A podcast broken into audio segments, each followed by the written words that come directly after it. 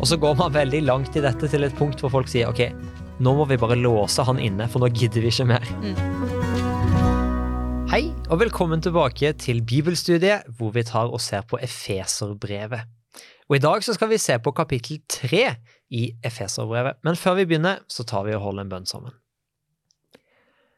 Kjære Jesus, tusen takk for at vi kan få lov å samles og diskutere ditt ord. Og vi bare ber om at du må fylle oss alle med din ånd, både hjerte og sinn, sånn at vi kan forstå de tingene som du prøver å si til oss gjennom Paulus. Og vi ber også om at de tingene som sies, ikke bare må være kunnskap, men noe som vi kan ta til oss og leve ut i praksis. Det ber vi om i ditt navn. Amen. Amen. Ja, i dag så kommer det jo til å bli ganske mye lesing, og jeg tenker at eh, av og til så er det veldig godt å bare få lov å høre en god mengde med bibeltekst, og bare få lov å ta det inn litt før man begynner å diskutere. Så det jeg har lyst til å gjøre i dag, er rett og slett at vi starter med å lese ja, fra kapittel 3 og vers 1 til og med 13, og så tar vi og diskuterer litt etterpå. Ja, Paulus skri eh, skriver jo også at 'legg vind på eh, skriftlesning'. Mm. Ja, nei, jeg tenker det er viktig å av og til bare kunne få litt lengre deler, og ikke bare de korte versene. Mm. Så da tar vi og leser. Derfor bøyer jeg mine knær, jeg Paulus, som nå er Kristi Jesu fange, for dere hedningers skyld. Dere har hørt om den forvalteroppgaven Gud i sin nåde har gitt meg hos dere. I en åpenbaring ble mysteriet gjort kjent for meg. Jeg har ovenfor skrevet ganske kort om dette, og når dere hører dette opplest, kan dere skjønne hvilken innsikt jeg har i Kristi mysterium. Det var ikke gjort kjent for menneskene i tidligere slekter, men nå er dette mysteriet ved Ånden blitt åpenbart for Hans hellige apostler og profeter. At hedningene har del i samme arv, samme kropp og samme løfte i Kristus Jesus ved evangeliet. Jeg ble en tjener for dette evangeliet da Gud med sin veldige kraft ga meg sin nådegave. Jeg som er den minste av de hellige, har fått den nåde å forkynne det gode budskapet om Kristi ufattelige rikdom for folkeslagene, og bringe Guds frelsesplan fram i lyset, det mysteriet som fra evighet av har vært skjult hos Gud, Han som skapte alt. Slik skulle hans mangfoldige visdom bli kunngjort gjennom kirken for maktene og åndskreftene i himmelrommet, etter Guds evige forsett, som han nå har fullført i Kristus Jesus, vår Herre. I ham har vi frimodighet, og i troen på ham kan vi komme fram for Gud med tillit.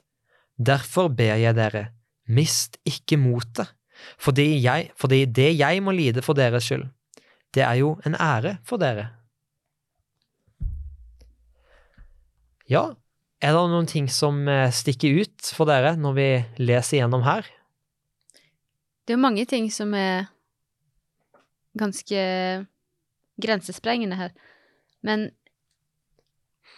det eh, siste du leste, mist ikke motet fordi jeg må lide for deres skyld. Det er jo en ære for dere. Paulus sier rett og slett her Det er jo et kompliment.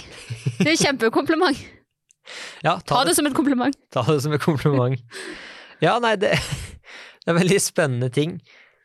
Og jeg, jeg synes jo også det er interessant det han skriver her i begynnelsen. Derfor bøyer jeg mine knær, jeg Paulus, som er Kristi Jesu fange, for dere hedningers skyld. For vi vet jo at dette er et såkalt fengselsbrev, et brev som Paulus har skrevet i fengsel. Mm. Og han skriver at han er i fengsel på grunn av hedningenes skyld, de som han skriver dette brevet til. Og jeg syns det er spennende hvor optimistisk Paulus klarer å være mens han er i fengsel.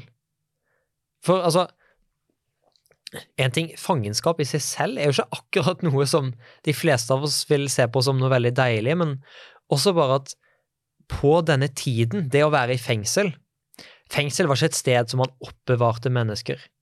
I hovedsak så var du i fengsel hvis du skulle henrettes en gang, eller hvis du skulle frem for keiseren, og man måtte bare vente på det. Det var vann og brød, rett og slett. I veldig mange sammenhenger så vil man merke at det er ikke vann og brød engang. I fengslene på den tid så var det egentlig ikke noe system for å mate fangene i stor grad. Som ofte så var du avhengig av å ha en familie eller noen som kom, kunne komme til deg og bare sørge for at du hadde det mest nødvendige. Du var egentlig bare fanga, resten måtte du stå for selv. Så de praktiske forholdene må ha vært ganske grusomme. Og jeg tenker også litt på Hva skal man si, da? Dette med litt sånn skam. Mm. Jeg skjønner om det er noen andre som har noen tanker rundt det. Hvordan det ville Hvordan oppleves det for de rundt om du sitter i fengsel? Hvis du, Daniel, hadde havna i fengsel for å stjele et brød på Rema, hvordan trodde du det hadde vært å komme ut igjen etterpå, når alle vet at du har, eh, at du har vært i fengsel? Ja, eh, fristen å flytte til et nytt sted eller et nytt land. Mm. Paulus har jo på en måte Han er ikke en som eh, som legger litt sånn demper på seg sjøl. Han skal ikke provosere så veldig mye. Han velger å stå i ikke bare den kleine stillheten som oppstår når han eh, forkynner det han forkynner, men han eh, gjør det også til en så stor grad at eh, myndighetene blir forstyrra. Eh, han gjør ikke det på en ikke snill måte. Han er snill, men eh. Det oppsto jo litt komplikasjoner, da. Sånn at han har Han har gjort ting og vært sosialt klein.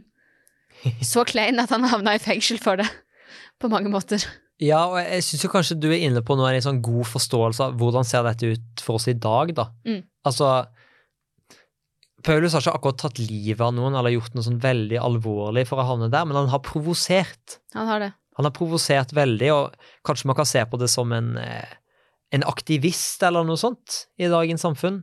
Noen som pusher veldig hardt for en sak som eventuelt veldig mange andre tenker 'hvorfor gidder du?' Og så går man veldig langt i dette til et punkt hvor folk sier 'ok, nå må vi bare låse han inne, for nå gidder vi ikke mer'. Men vi bør vel si at Paulus oppmuntret til å følge landets lover Mm. i stor grad, Mm.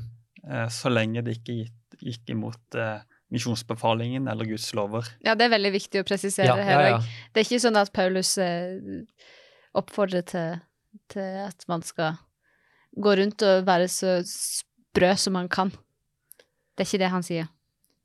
Ja, Et siste poeng med dette her å være i fengsel, som jeg synes også er interessant med Paulus' positive innstilling, da, Mm. er nettopp dette her med at Paulus er i fengsel ene og alene fordi han forkynner evangeliet om Jesus. Paulus har gjort fantastiske undere, som vi leste om i første episode, når vi tok og diskuterte Efeserbrevet. Så snakka vi om hvordan Paulus har vært og helbreda og drevet ut onde ånder og gjort store ting. Og på grunn av dette så havna han i fengsel. Det var ikke ytringsfrihet på den tida og i det landet i den grad.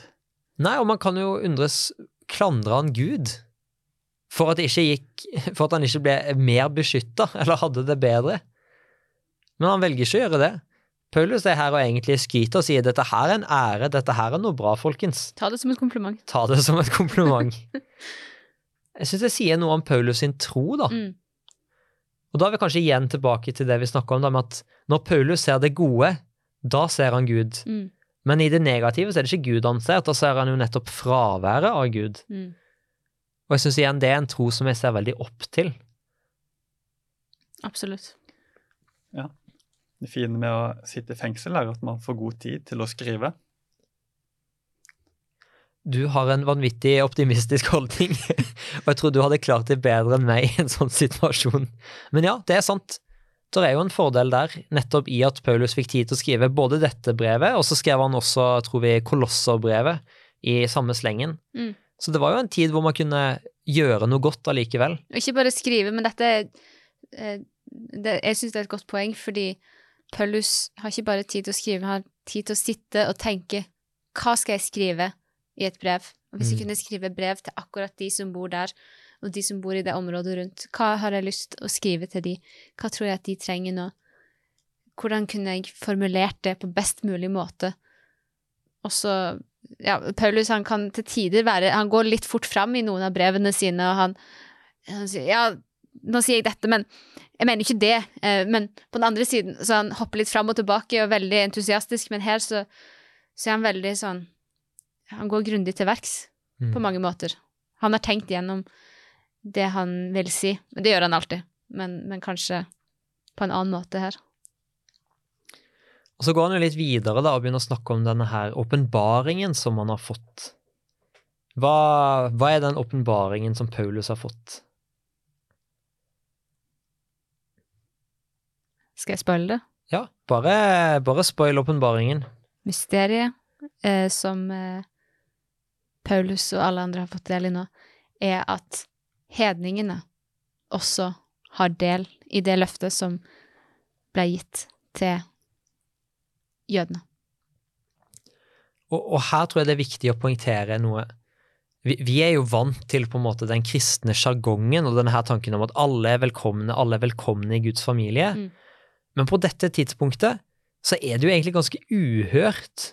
Så det han sier der, når han bruker ordet mysterie, han bruker åpenbaring Det er en sånn sjokkfaktor over det, og når folk leser det, så er det sånn Nei, det kan ikke stemme. Mm. Og eh, det, det handler jo nettopp om Ja, én ting Sist gang så snakka vi jo om dette her med statsborgerskap. Mm. Og det var ikke alle som hadde statsborgerskap. Det var utrolige klasseskiller.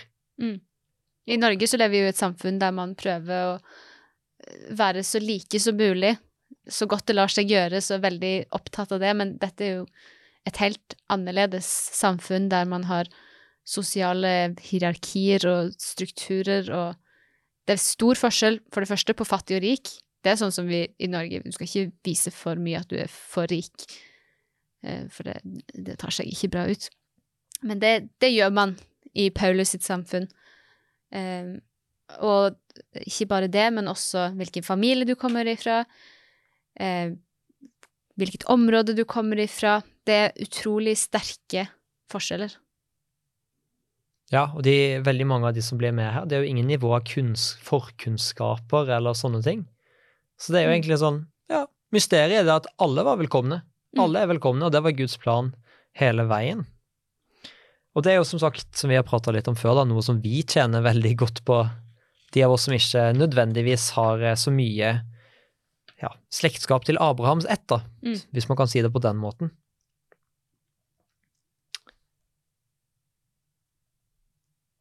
Jeg tenker egentlig at jeg har litt lyst til å gå videre til avslutningen på eh, kapitlet, fra vers 14 og til og med er det 21. Mhm. Og her så tar Paulus Han ber en bønn for menneskene i Efesos.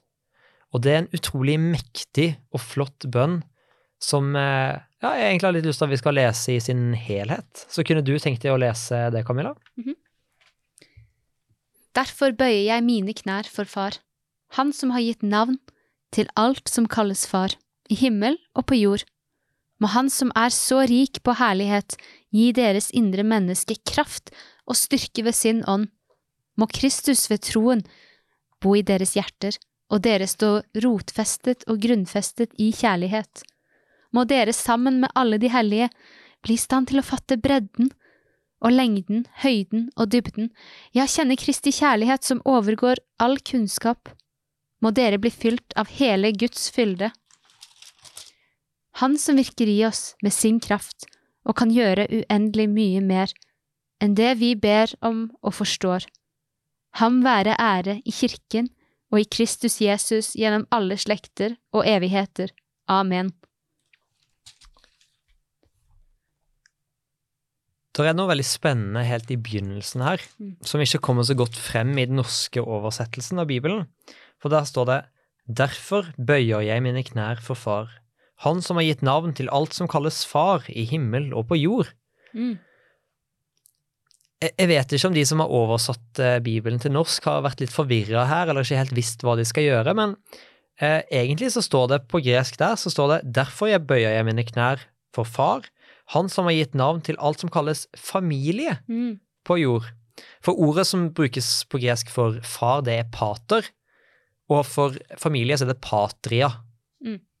Og det står det her. Men, men grunnen til at de har oversatt det som far, det er nok for å få frem et ordspill som Paulus bruker her. For han sier ok, jeg bøyer mine knær for far, for Gud, han som har gitt navn til alt som kalles patria, familie. Og pater og patria, det er såpass like ord at jeg tror Paulus prøver å si når du er en del av Guds familie, så går det så langt som at du får lov å bruke Guds sitt navn.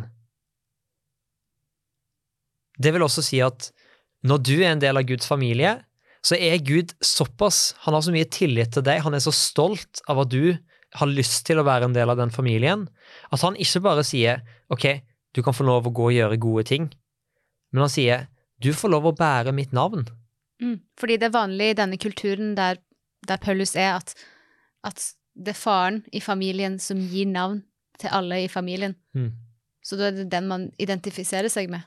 Ja, også hvis man tenker på sånn klassisk skamskultur, hvor man Ja. sier at hvis sønnen gjør noe dumt, så vanærer du hele familien, og det har man jo også noen steder fortsatt i, i verden i dag. Mm.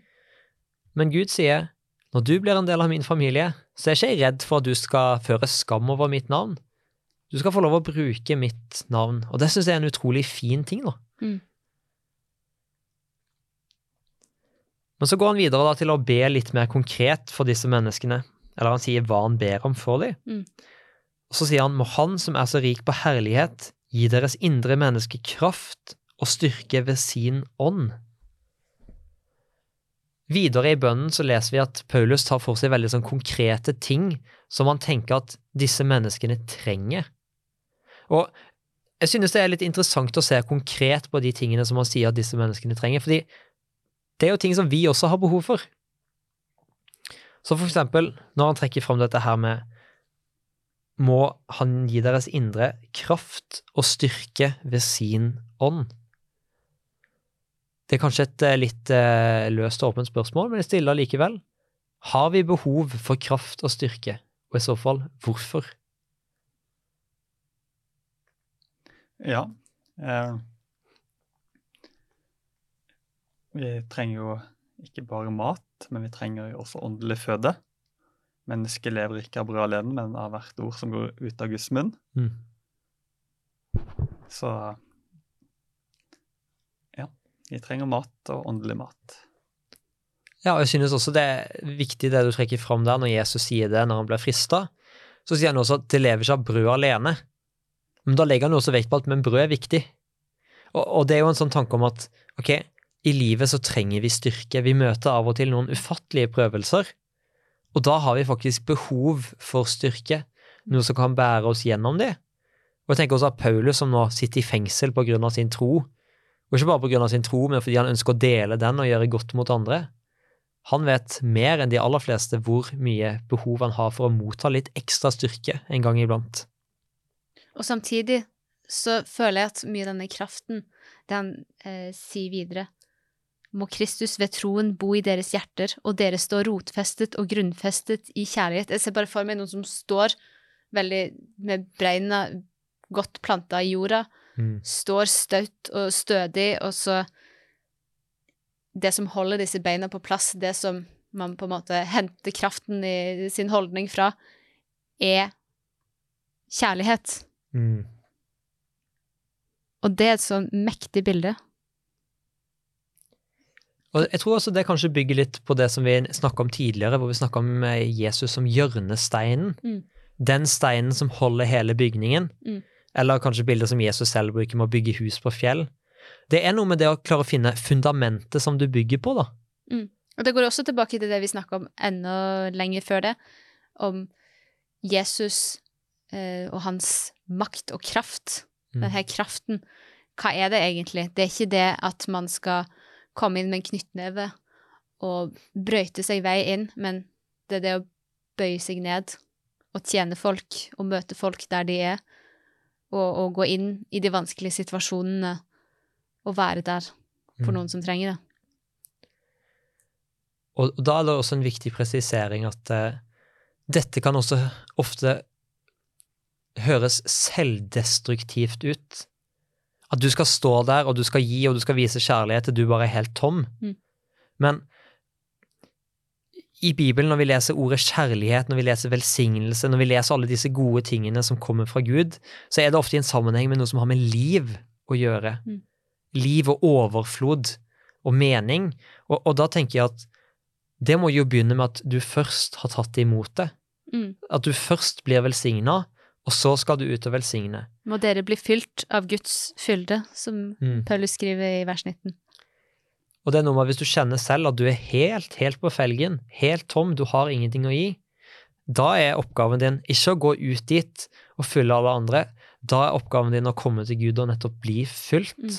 Og når Gud fyller oss med sin ånd, så er det ikke at han fyller oss opp til et visst nivå, for at det er et merke på koppen, Mm.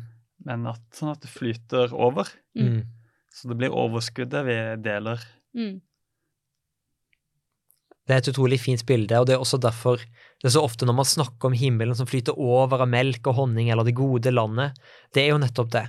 Der hvor Gud er, så er det overskudd som renner ut, som ikke bare blir oss en selv, men det naturlige er jo at det renner ut. Det er et bilde. Han er, den troen er lik et tre som er plantet ved rennende bekker.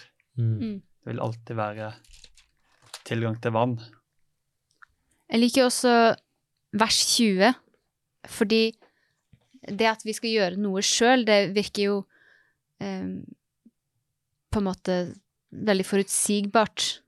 Det, og det kan bli rutineprega til tider, men det som Paulus skriver i vers 20, han som virker i oss med sin kraft og kan gjøre uendelig mye mer enn det vi ber om og forstår, det er en ekstremt spennende tanke. At vi tillater Gud å bare virke i våre liv, og så skjer ting, gode ting, som vi aldri ba om, eh, som vi aldri forsto, som vi ikke tenkte på. Jeg hadde en sånn opplevelse tidligere i vår, eh, faktisk, der jeg tenkte på sitronkake en, en liten fredag, av alle ting. Eh, jeg ba ikke om det. Jeg snakka ikke med Vår Herre om at jeg hadde lyst på sitronkake, men jeg bare tenkte hm, sitronkake, det, det, det, det hørtes godt ut. Og så kom jeg til en kirke, da, den lørdagen. Eh, og etter kirka så var det litt eh, felles bespisning og sånn, så, så kom det en dame bort til meg og spurte liker du sitronkake. Og da måtte jeg svare ja. Det tok litt tid før jeg helt skjønte hun snakka på engelsk, så det tok litt tid før jeg på en måte fikk oversatt det i hodet mitt. Ja, jeg liker sitronkake. Har du lyst på en boks med sitronkake? Ja. Eh, det hadde vært fint. Og så fikk jeg denne boksen med sitronkake, og det var en av de beste sitronkakene jeg noen gang har smakt. Eh, men det var bare så tilfeldig, fordi jeg hadde tenkt sjøl at jeg skal bake sitronkake på søndag, men på lørdag. Så ut av det blå så kommer denne her veldig absurde, veldig konkrete tingen som jeg ikke hadde bedt om. Og jeg kjente at det var Gud som overraska meg. Og dagen etterpå så sendte hun meg både oppskriften på denne sitronkaka og en kakeform. Og da følte jeg virkelig at mitt, som du sier, mitt beger, det fløyt over. Jeg var Hadde ikke forventa dette i det hele tatt. Ja, Gud hører før vi ber. Også. Mm. Absolutt. Jeg synes det er spennende hvordan Det er noen mennesker eh, som Ja.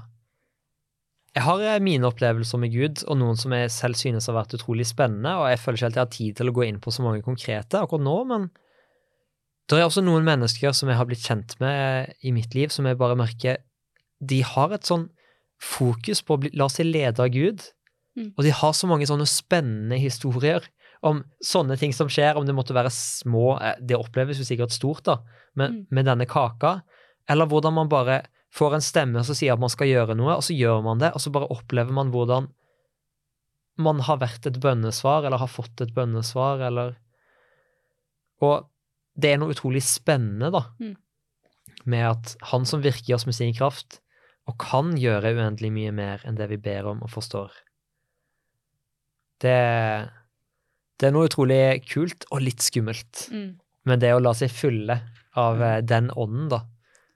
Så tror jeg også hun som ga sitronkaka, Mm. også ble velsignet. Ja. Kanskje like mye som deg. Det, det tror jeg. Eh, jeg skrev jo tilbakemelding til henne at jeg, du, den sitronkaka, den var veldig god. Og det var da hun fikk ideen om å drive og sende meg eh, disse tingene. Um, og det virker som hun virkelig nøyt å kunne, å kunne gjøre noe godt for andre. Og hun hadde den her rotfestelsen, eller hva man skal kalle det, i, i kjærlighet. Mm. Uh, og det, det merka jeg virkelig, og det satte jeg utrolig pris på. Ja, jeg syns jo kanskje det eneste som vi ikke har diskutert så mye, men er jo utrolig viktig, er vers 18 og 19. Må dere sammen med alle de hellige bli i stand til å fatte bredden og lengden, høyden og dybden, ja, kjenne Kristi kjærlighet som overgår all kunnskap, må dere bli fylt av hele Guds fylde. Og jeg syns det er veldig spennende med dette litt sånn fysiske språket, da, som Mm. Paulus bruker, hvor han snakker om det er lengden, det er bredden, det er høyden, det er dybden. På en måte snakke om alle retninger. Tredimensjonalt. Ja, det er det, og det, det er et sånt språk som virker så altomfattende. En sånn Det høres nesten ut som en trussel. Det er ikke en krik eller en krok hvor man kan gjemme seg, hvor du ikke vil kjenne noe av dette her hos en selv. Mm. Og jeg synes det er noe utrolig fint med det å og også tenke at hvis det er så stort og så tredimensjonalt, da har vi jo en utrolig viktig rolle med tanke på at vi er på forskjellige steder, vi tenker forskjellig, vi opplever ting forskjellig. Så har vi en så viktig oppgave i å dele hvordan opplever du Gud? Mm. Hva er det du har opplevd om Guds kjærlighet? Mm. Og nettopp der tror jeg det er så viktig når du deler historier om sitronkake eller sånne små ting som betyr så mye. For i det så finner man plutselig at oi, Gud bryr seg også om de små tingene. Eller kanskje noen deler noe stort, og så er det noen som da tenker oi, kan Gud gjøre så store ting? Kan han gripe inn så drastisk? Mm. Og det er noe med dette å bare i et fellesskap, da, i den familien, i det landet, den nasjonen som vi er en del av, å kunne bare samle alle puslespillbrikkene som vi har samla oss individuelt, og prøve å male et litt større bilde av hvem er denne guden vi tilber? Mm. Og det er jo nettopp der han da går videre på det som vi snakker om. Så sier han etter han har sagt dette, må dere forstå alt dette. Han som virker i oss med sin kraft og kan gjøre uendelig mye mer enn det vi ber om og forstår, ham være ære i kirken og i Kristus Jesus gjennom alle slekter og evigheter. Amen.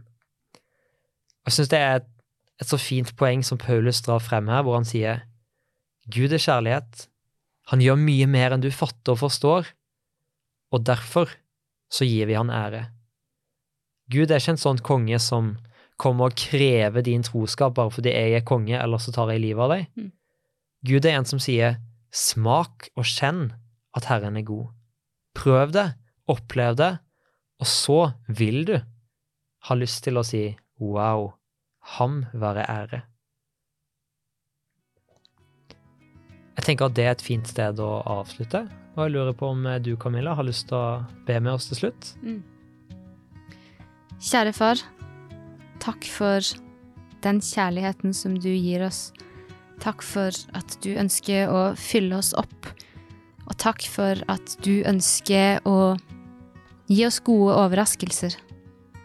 Jeg ber for eh, oss og for alle som ser og hører på, at du må At du må fylle oss med din kraft, og at du må hjelpe oss til å forstå mer av hvem du er, og hva hva du vil med oss, og hvor du vil at vi skal være. Det ber jeg om i ditt navn. Amen.